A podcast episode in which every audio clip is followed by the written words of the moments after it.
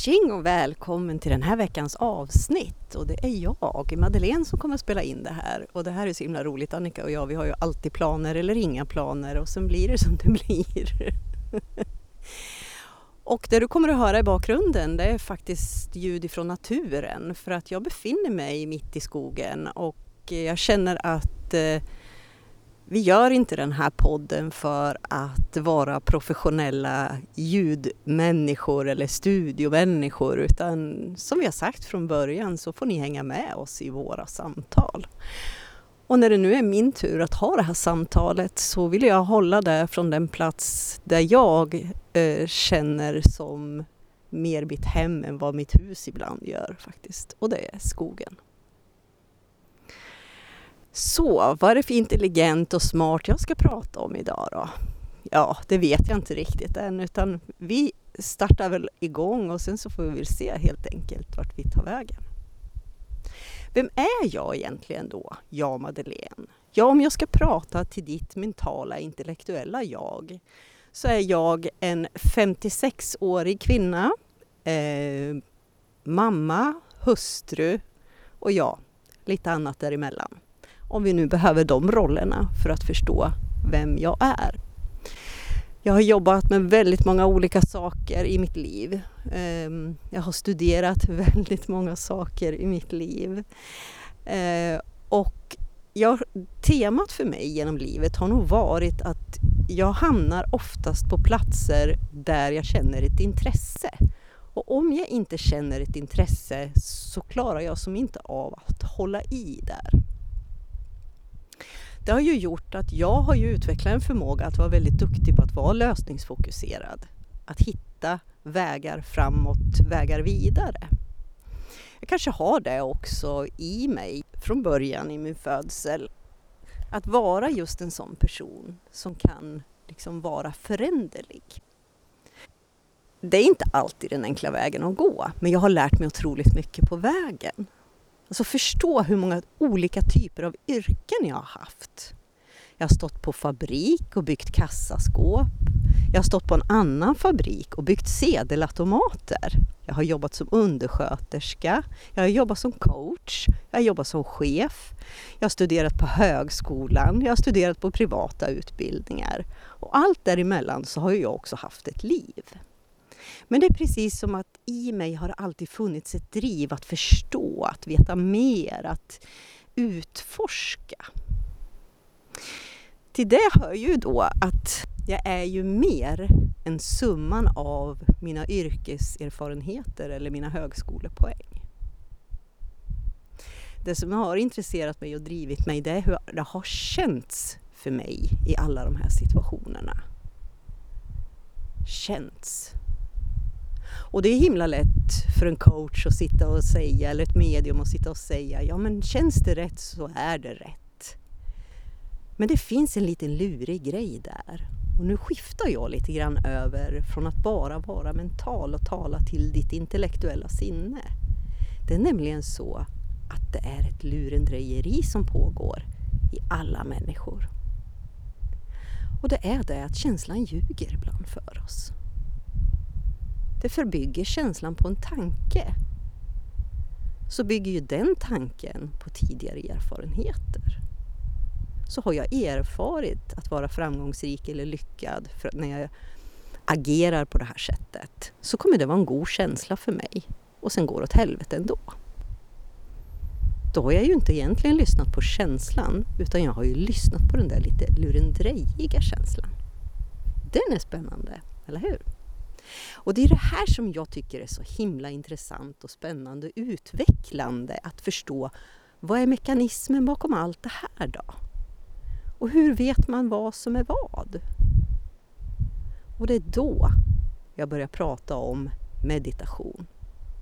Ordet meditation, när jag säger det till dig så vet jag att det kommer uppstå en mängd olika reaktioner hos er alla som lyssnar. Och det är för att det är inlärt. Du har upplevt någonting. Och så bygger du den erfarenheten, de minnena, upplevelserna som du har till just begreppet meditation. Den är också himla spännande det där har jag gjort, det är inget för mig. Jag har sagt det så många gånger i mitt liv. Jag som är en ganska driven människa, gillar framåt, gillar nya saker och så kommer någon och säger Madeleine, du mår bra av meditation. Kyss med arsle.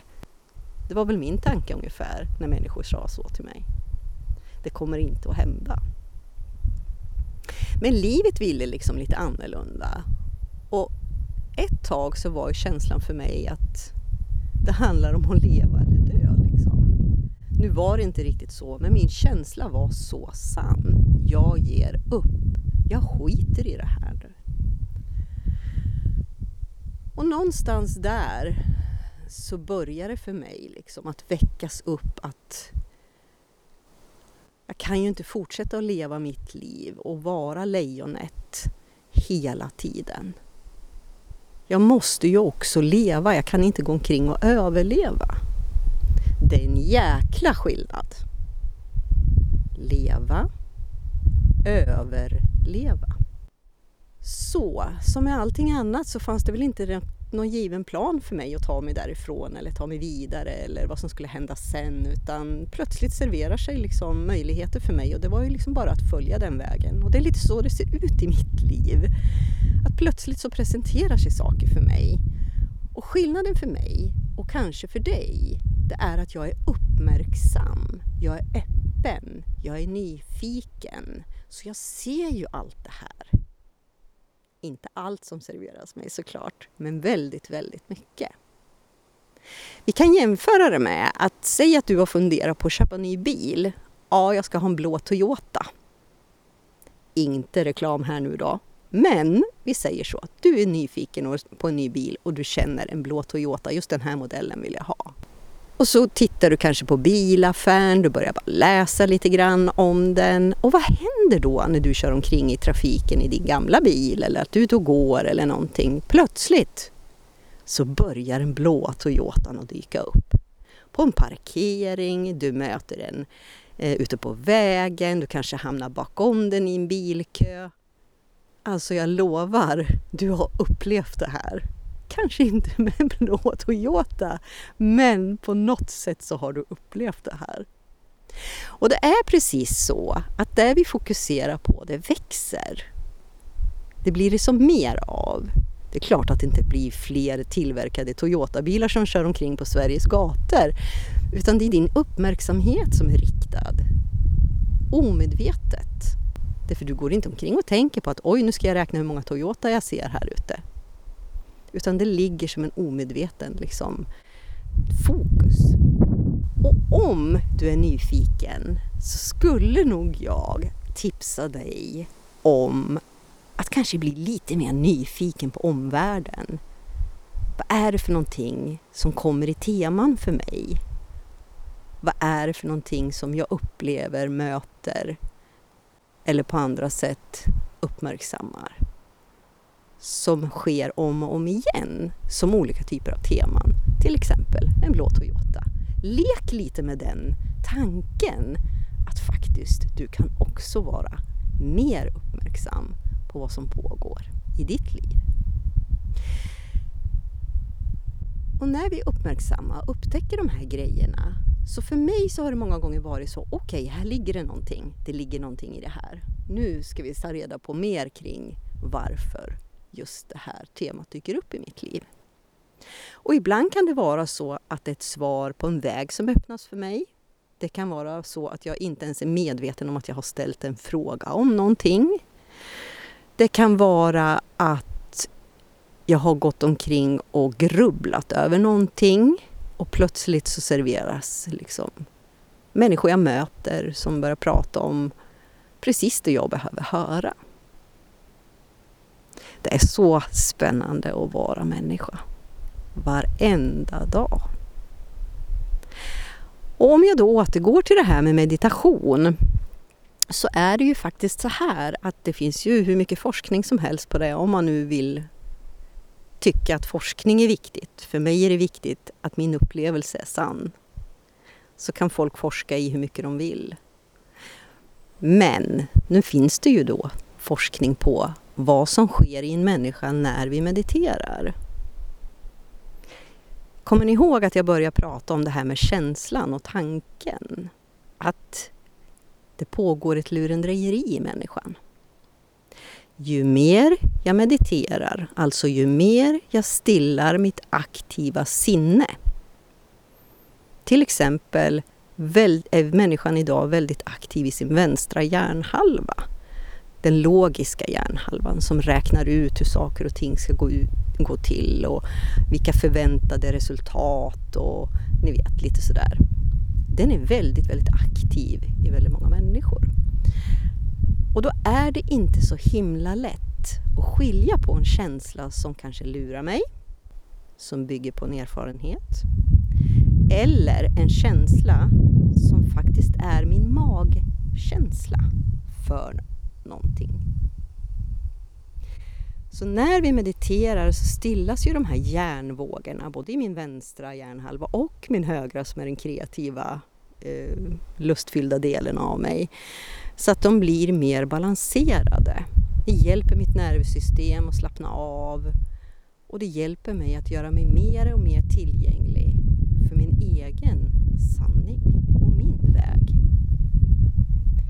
Det blir lättare för mig att upptäcka den där blå Toyotan. Det blir lättare för mig att fatta beslut utifrån en känsla som känns rätt till mig. Vad är meditation då? Det handlar om att stilla sinnet.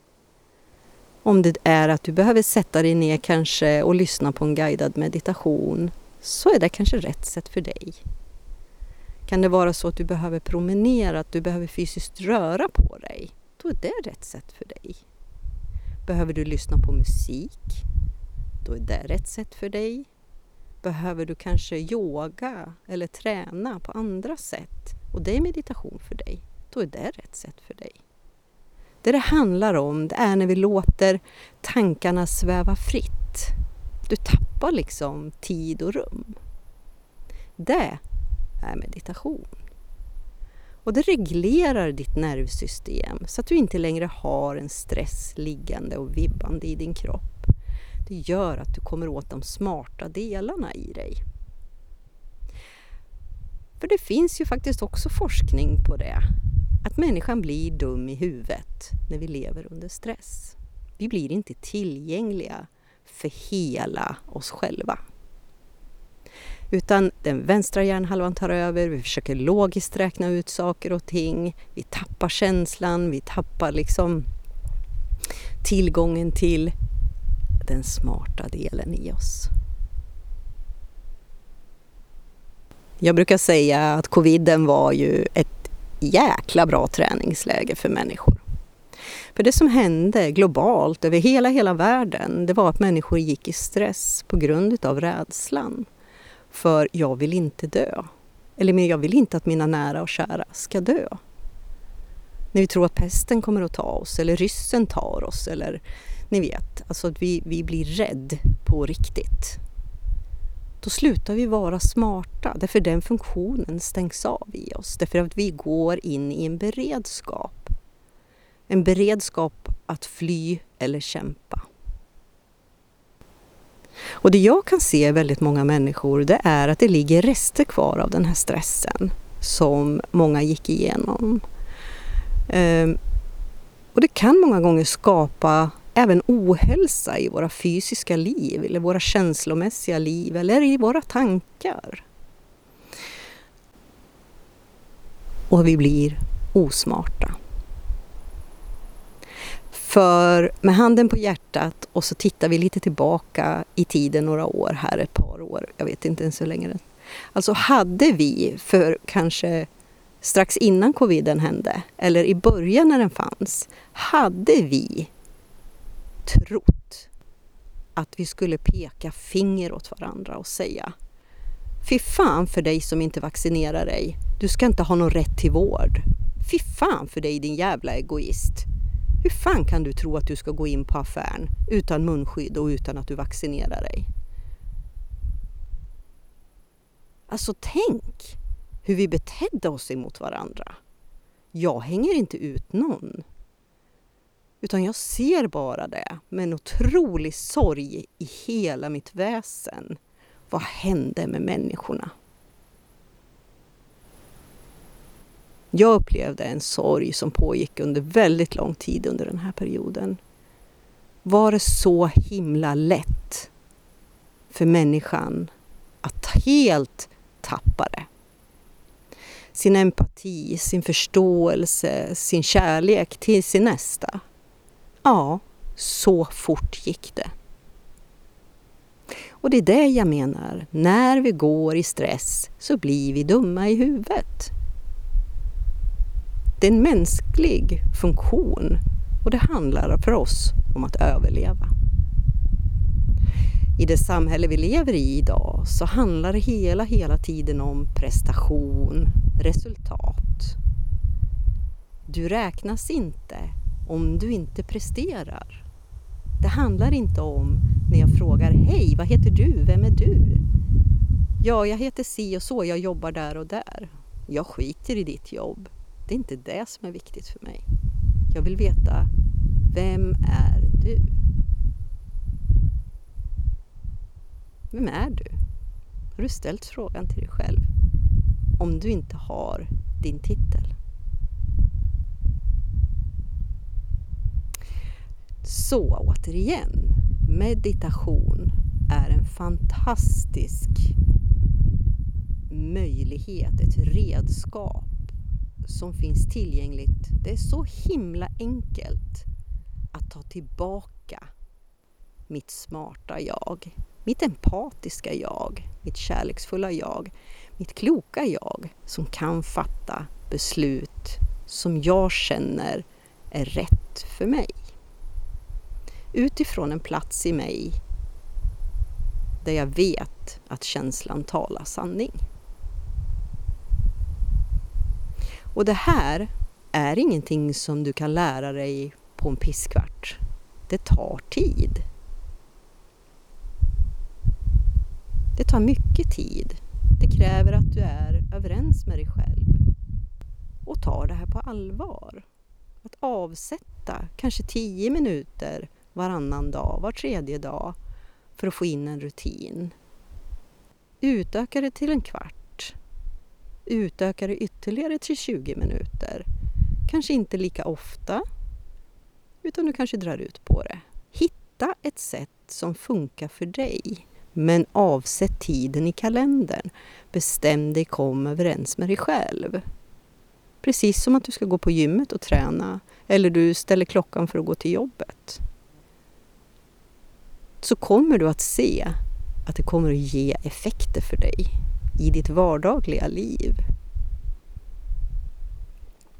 Tänk vad fantastiskt om vi alla kunde vara lite smartare. Lite mer tillgängliga för varandra. För är jag tillgänglig för mig själv så är jag ju tillgänglig för omvärlden.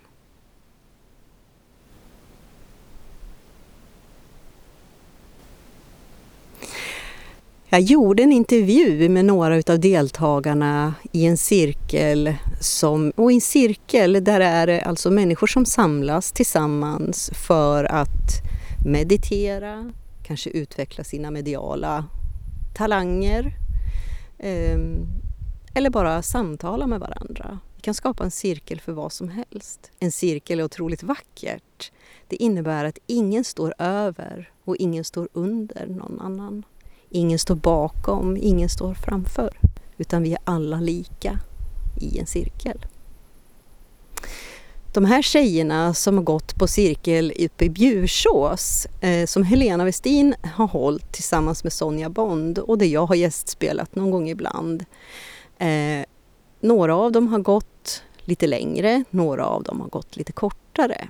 Men jag passade på och intervjuade dem för att ta reda på vad har den här meditationscirkeln gjort för dig? Och jag låter dem få tala för sig själva.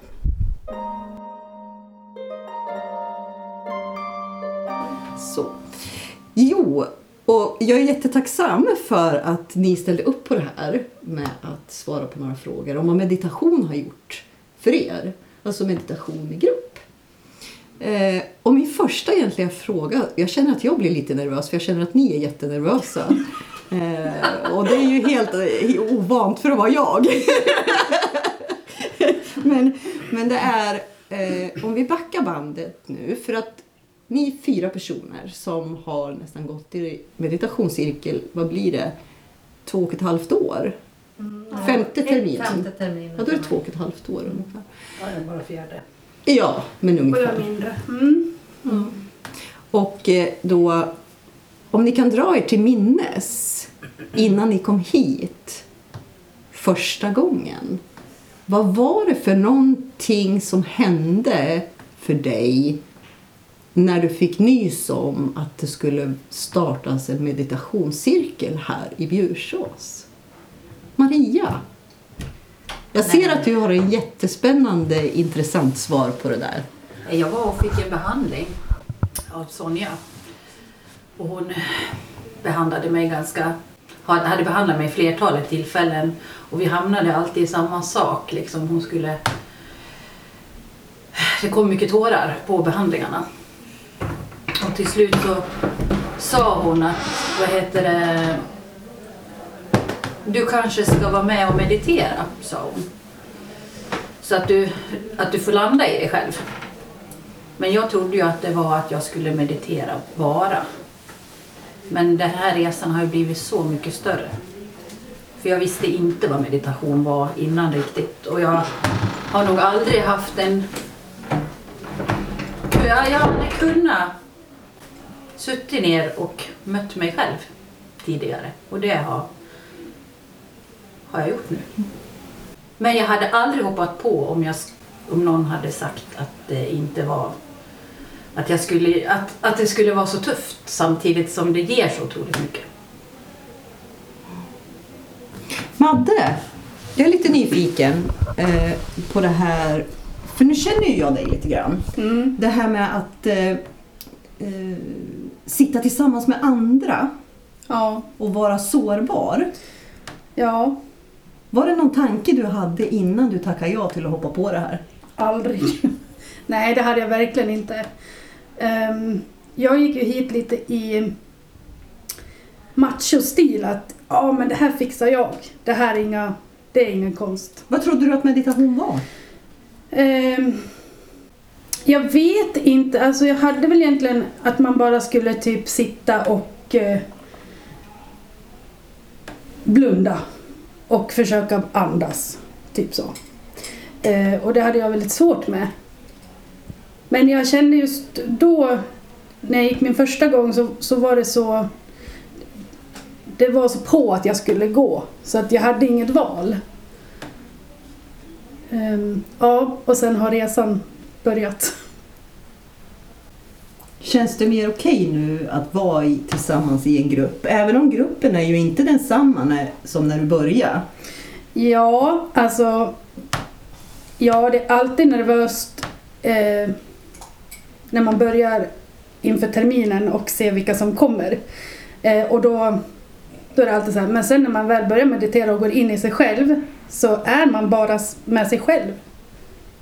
Och det är en fantastisk känsla. Sitter i sin bubbla och upplever. Mm, det gör man. Mm. Fett. Fint. Om du jämför dig själv. Jag kallar ju dig för tvilling två för jag vet ju att du kom ut som nummer två. Ja. För jag kommer ju aldrig heller ihåg. Jag vet att det är dubbelnamn. Anna-Lena, Eva-Lena. ja. Lena. Just det. Och det här är någonting jag alltid kommer att få skämmas för. Men det är som jag är. Så. Eh, när du, har du sett någon förändring? Alltså vad upplever du för skillnad med dig själv idag mot innan du började meditera i den här cirkeln för två år sedan? I och med min hjärnskada så har jag ju märkt att jag kan eh, sortera tankarna bättre. Jag kan få bättre avkoppling när jag väl behöver det. Jag kan koppla av mitt i saker och ting som jag håller på med. Liksom. Det behöver inte vara mer än fem minuter. Men jag kan sortera bort och jag har lärt mig liksom hur jag får lite återhämtning mitt i. Så det, det är ovärderligt. Så att eh, det har gett jättemycket. Och sen att man lär sig lite om sig själv också. Så det gör ju ingenting. Är det så är det så bonus? Ja. Se sina skavanker. Det är modigt. Det är inte för alla kanske. Nej, det är det inte. Men eh, just meditationen som sådan är ju väldigt bra eh, verktyg för att kunna eh, få ordning i livet. Eller vad ska man säga? Få strukturera upp lite i kontoret. Oerhört viktigt tänker jag i, Ja. i det samhälle vi lever i. Som Ja. är så stressat och man ska vara så påloggad hela tiden och fatta snabba beslut och det här. Ehm, Ja, och liksom kunna ta de där minuterna och rensa hårddisken och ta in det som behövs. Istället för att bara packa på mer och mer och mer. För det får inte plats allt. och tvilling nummer ett som är stora syster som har ett annat fantastiskt namn. Ann-Louise. Tack för den hjälpen. nu vet ju jag vad du jobbar med. Mm. Eh, att du jobbar med djur Ja. eh, och med människor Ja. som massör. Jajamensan. Ja. Eh, och jag vet också att du är otroligt intuitiv. Ja, det är jag. Ja. Eh, och jag är ju lite nyfiken på om du upplever att den här resan med meditation har vässat liksom eller skärpt din intuition eller eh, att du ger den större utrymme eller hur, hur har den här resan med, med meditationscirkeln hjälpt dig i ditt jobb? Liksom? Ja, den har ju hjälpt mig framförallt med att plocka fram intuitionen snabbare. Eh, men även hjälpt mig att kunna stänga av på ett bättre sätt och rensa ut de energierna jag inte vill ha med mig. Och eh, kontakten med djuren har ju blivit bättre. Och det tackar jag ju för. Och det har ju kommit som en bonus bara. Så, mm. Djuren är ju fantastiska på att leda oss till närvaron i här och nu. Ja, och meditera med djuren, alltså det är helt grymt. De är duktiga på att guida. Jag tänker djuren också måste ju vara fantastiska i sitt tålamod som bara står där och väntar och väntar på att människan ska liksom göra sig tillgänglig på något sätt. Ja men verkligen. Att de ids väntar på oss. Det är fantastiskt. Jag tänker om du nu har jobbat eh, under de här två åren du har gått utvecklings eller ja, meditationscirkeln och så.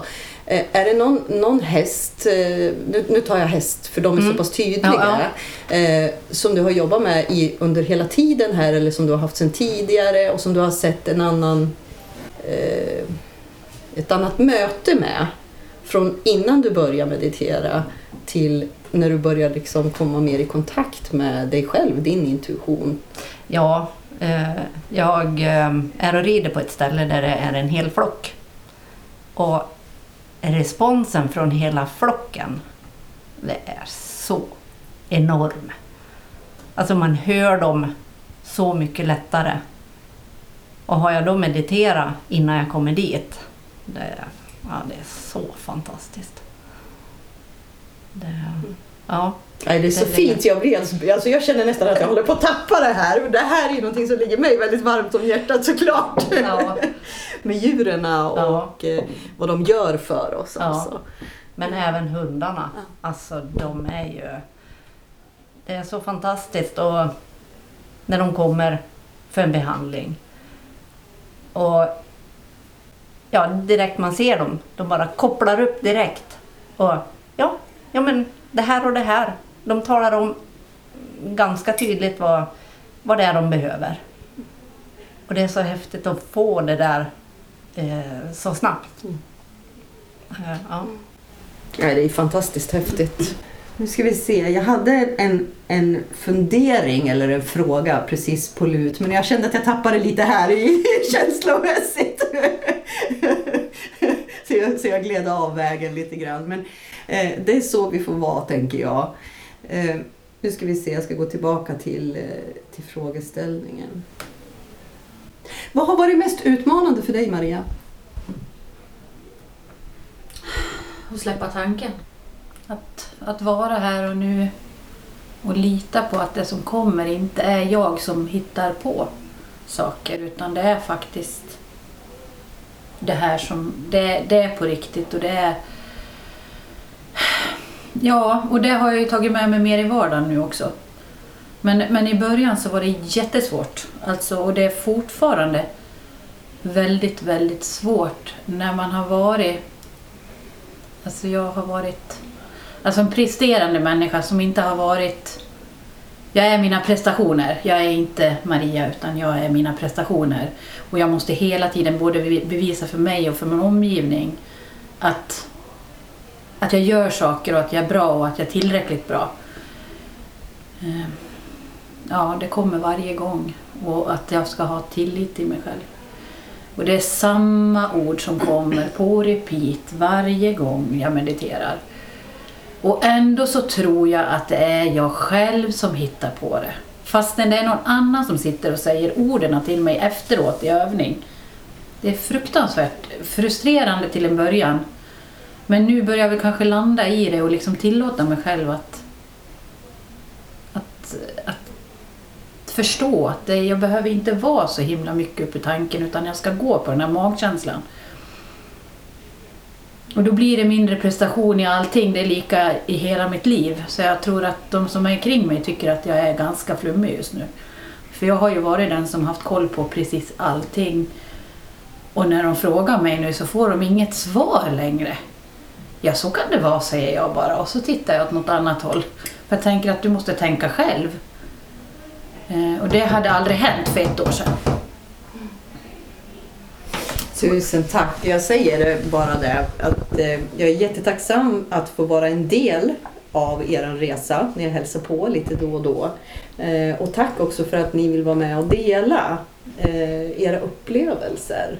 Eh, det finns säkert människor som inte vet vad meditation kan göra.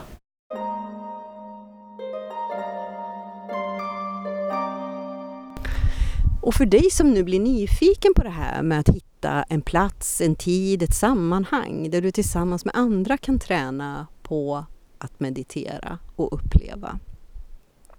Kika dig omkring och se om du hittar någon. Gör du inte det, men starta en egen då hemma i ditt vardagsrum. Det är ingen som säger att någon av er behöver vara världsmästare på att leda en cirkel. Nej, turas om istället och bjud hem varandra.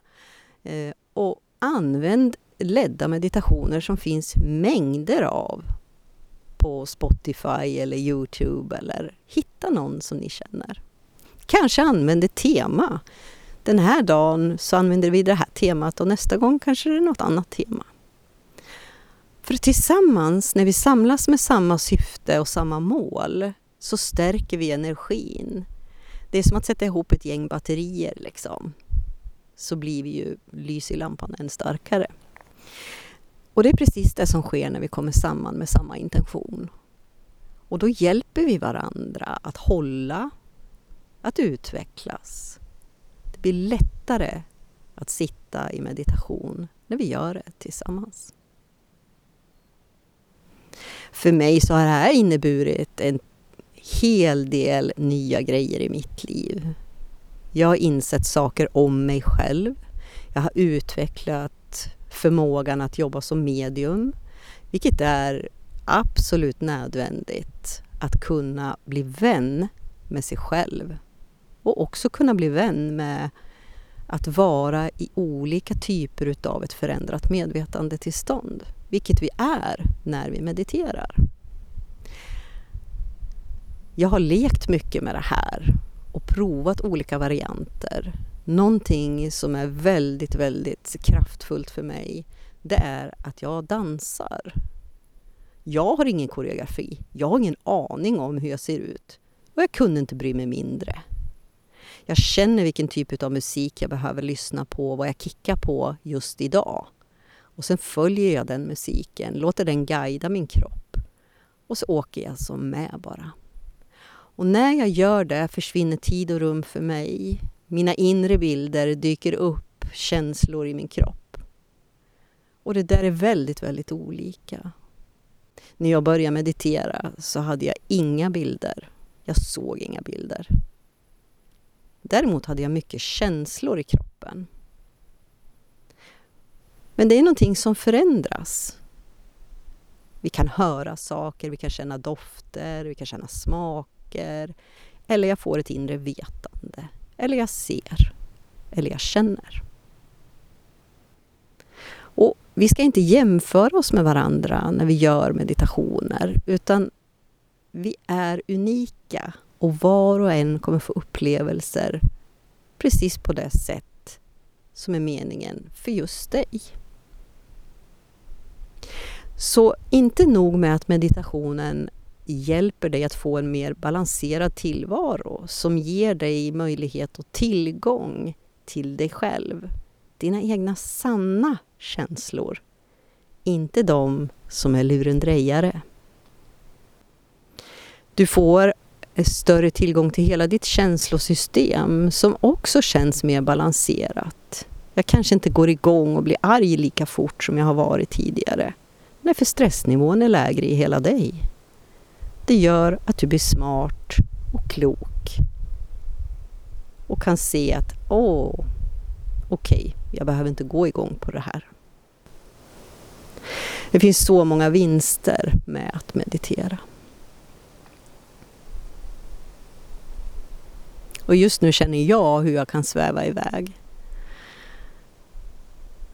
Väldigt lätt och plötsligt känna mig som ett med naturen.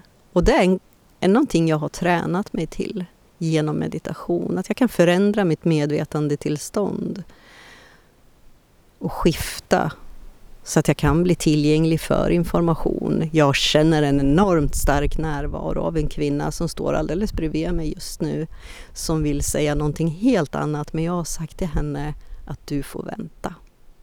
Det kommer inte att ske idag men hon ska få uttrycka sig vid ett annat tillfälle. Och lita på mig, det kommer hon att göra. Är du nyfiken på just den här mediala delen i dig själv. För alla vi människor är mediala. Det är själens naturliga... Åh, oh, nu kommer korpen som jag förväntar mig. Eh, det är själens naturliga språk. Intuitionen, medialiteten, att se, att höra, att uppleva att det finns mer än den här fysiska världen som du kan se eller ta på. Alla utvecklar inte den, alla har inte det intresset. Alla gillar inte att stå på scen och hålla seanser. Alla gillar inte kanske heller att jobba eh, med kort, tarotkort till exempel. Eller, alltså, det handlar inte om det. Det handlar om hur kan det berika ditt liv? För när vi börjar få upplevelser i meditationerna så börjar vi också förstå att det finns en värld som är större än den här det ger mig en större tillgång, en större tillit till och en distans skulle jag vilja säga till mina egna upplevda utmaningar i livet. Jag hade ett sånt uppvaknande. Vi kanske var någon typ av meditation men jag hade inte kommit igång med det då. Men Norge som land har ju alltid tilltalat mig.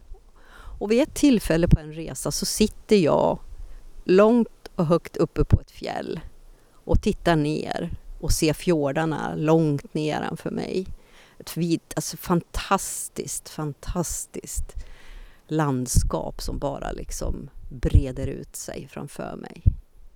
Och där och då så känner jag min egen litenhet i det här fantastiska, stora landskapet som fanns runt omkring mig. Nästa ögonblick så kände jag om jag är fysiskt liten när jag tittar mig omkring hur små är då inte mina tankar? Hur små är då inte mina känslor? Perspektiv. Om vi då går tillbaka till det här med att meditationen kan leda dig till upplevelser som vi som medium tränar väldigt mycket på att ha tillgång till på beställning. Så du kommer att bli mer nyfiken på livet, du kommer att bli mer nyfiken på dig själv. Du kommer att bli mer nyfiken på helheter eller på andra eller kanske universum. Kanske börjar du minnas att du som liten hade drömmar som var så verkliga. Eller kanske du minns hur mörkrädd du var därför att du kunde som känna att det var någon som stod bakom ryggen på dig när du borstade tänderna. Eller att du fick springa in och hoppa upp i sängen för att du var rädd att någon skulle ta dig som låg under sängen. Nu säger inte jag att andevärlden var på besök varje gång. Men som liten barn har en naturlig tillgång till att det finns fler världar än den här fysiska världen som vi tittar på. Och det har faktiskt att göra med att deras hjärnor befinner sig i ett förändrat medvetandetillstånd. Ett meditativt tillstånd kan vi säga. Spädbarn ännu mer, så att de är nästan i trans. Och det här utvecklas med deras ålder att bli mer och mer aktivt tills det till slut är så att vi är i ett dagsmedvetande. Så när barn kommer och säger att de har upplevelser eller att de ser eller känner eller vet så lyssna på barn. De har fantastiskt mycket saker att berätta. Jag hade, ursäkta mig, mina barnbarn hos mig. Det måste ha varit i höstas eller i våras och vi var till skogen. Och jag pratade med dem om, om naturen precis som jag själv ser den. Och för dem är det inte konstigt. Jag kan se när de sätter sig på en sten, herregud vad som händer i dem. De bara försvinner liksom. Eller på en stubbe. Det är liksom, de bara dimmar ut. Och då befinner de sig någon helt annanstans. Och tänk att vara i meditation och sätta dig på en stubbe. Vad tror du att du skulle uppleva då? Ja, har du inte provat? Gör det! Du är tillgänglig för information som finns ständigt omkring dig men du kan inte vara tillgänglig för den när du är i ditt dagsmedvetande.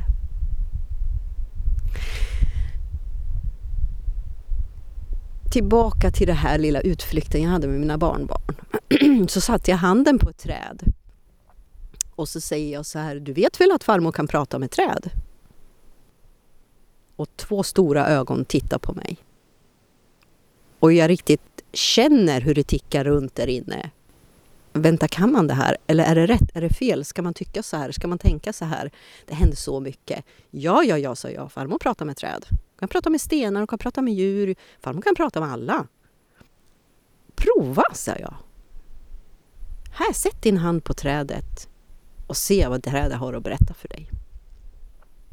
Och ni skulle höra den historien som kom ut. Hur rädd det här trädet var för alla stora monster som bodde i skogen. Svarta med stora huggtänder. Och jag såg ju den filmen som hon berättade för mig. Jag fick ju som en film i mitt huvud när hon berättade den här historien om vad trädet hade sagt. Ja, det var en stor avverkning som fanns en bit upp i skogen. Det hon berättade för mig det var att trädet hade berättat för henne om motorsågarna såklart. Ni fattar grejen. Den här filmen hade ju inte jag kunnat sett eller förstått vad hon menade om jag inte hade varit närvarande. Eller om jag inte hade tränat, om inte jag mediterat och kunnat bygga bilder i mitt inre. Och att kunna se, känna, uppleva och förstå att livet är större än det fysiska liv som vi tror att vi lever. Jag känner ju hur ytlig jag är när jag pratar i det här avsnittet. Eh, därför att jag vet inte varför jag gör det egentligen. Eh, därför att jag alltid hela mitt liv har fått höra hur flummig jag är och hur ointresserade människor är av mig när jag blir djup. Ehm, men jag kunde känna när jag var varit på John Henrik eh, och lyssnat på honom när han sjunger vid två tillfällen. Nu senast i Gysinge, men jag var också i Kassels när han var där. Fick en biljett bara precis innan och kastade mig iväg dit. För mig, när han spelar, så är det en meditation från början till slut på hans konserter. Han är så fantastisk. Om ni inte har varit på hans konserter så gå gärna och lyssna på honom. Det han beskriver och berättar. Se framför er hur den här renkalven föds, hur den faller till marken, hur det ryker lite om honom och hur fort han försöker ställa sig på sina ben för det är så mycket faror runt omkring. Se framför dig bilden när den lilla renkalven går iväg över fjället tillsammans med sin mamma, i stort sett nyfödd. Och så sjunger han den sång han har skrivit till just den här renkalven. Och ni förstår hur fantastiskt det är att ha tillgång till att kunna då kliva in i ett meditativt tillstånd och följa den här kalven på resan tillsammans med sin mamma över fjället. Så när jag brukar säga att meditation öppnar dörrarna till en helt ny värld så hittar jag verkligen inte på. Det är precis det det gör. Det öppnar dörrarna till en inre värld som är så enorm och så stor så vi kommer inte ha tid och förstånd under den här livstiden att utforska alltihopa. Så med det sagt så ge dig i kast med meditation. Gör det på ditt sätt. Se hur det kan berika ditt liv. Skapa mer tillgång till den smarta delen av dig. Kanske också skapa tillgång till upplevelser av att omgivningen faktiskt berättar saker för dig. Som du kanske annars missar. Nyfiken på att utforska din intuition, din mediala del. Leta upp en cirkel, en utvecklingscirkel, där du kan utvecklas tillsammans med andra. Det för alla har vi förmågan. Tro inte att det är några få förunnat. Du är född till att vara medial. Så, jag säger tack för den här gången och på återhörande. När det vet jag inte. Men om en vecka kommer ett avsnitt till. Och vi får se om det är Annika och jag, Annika eller jag. Tjing på det!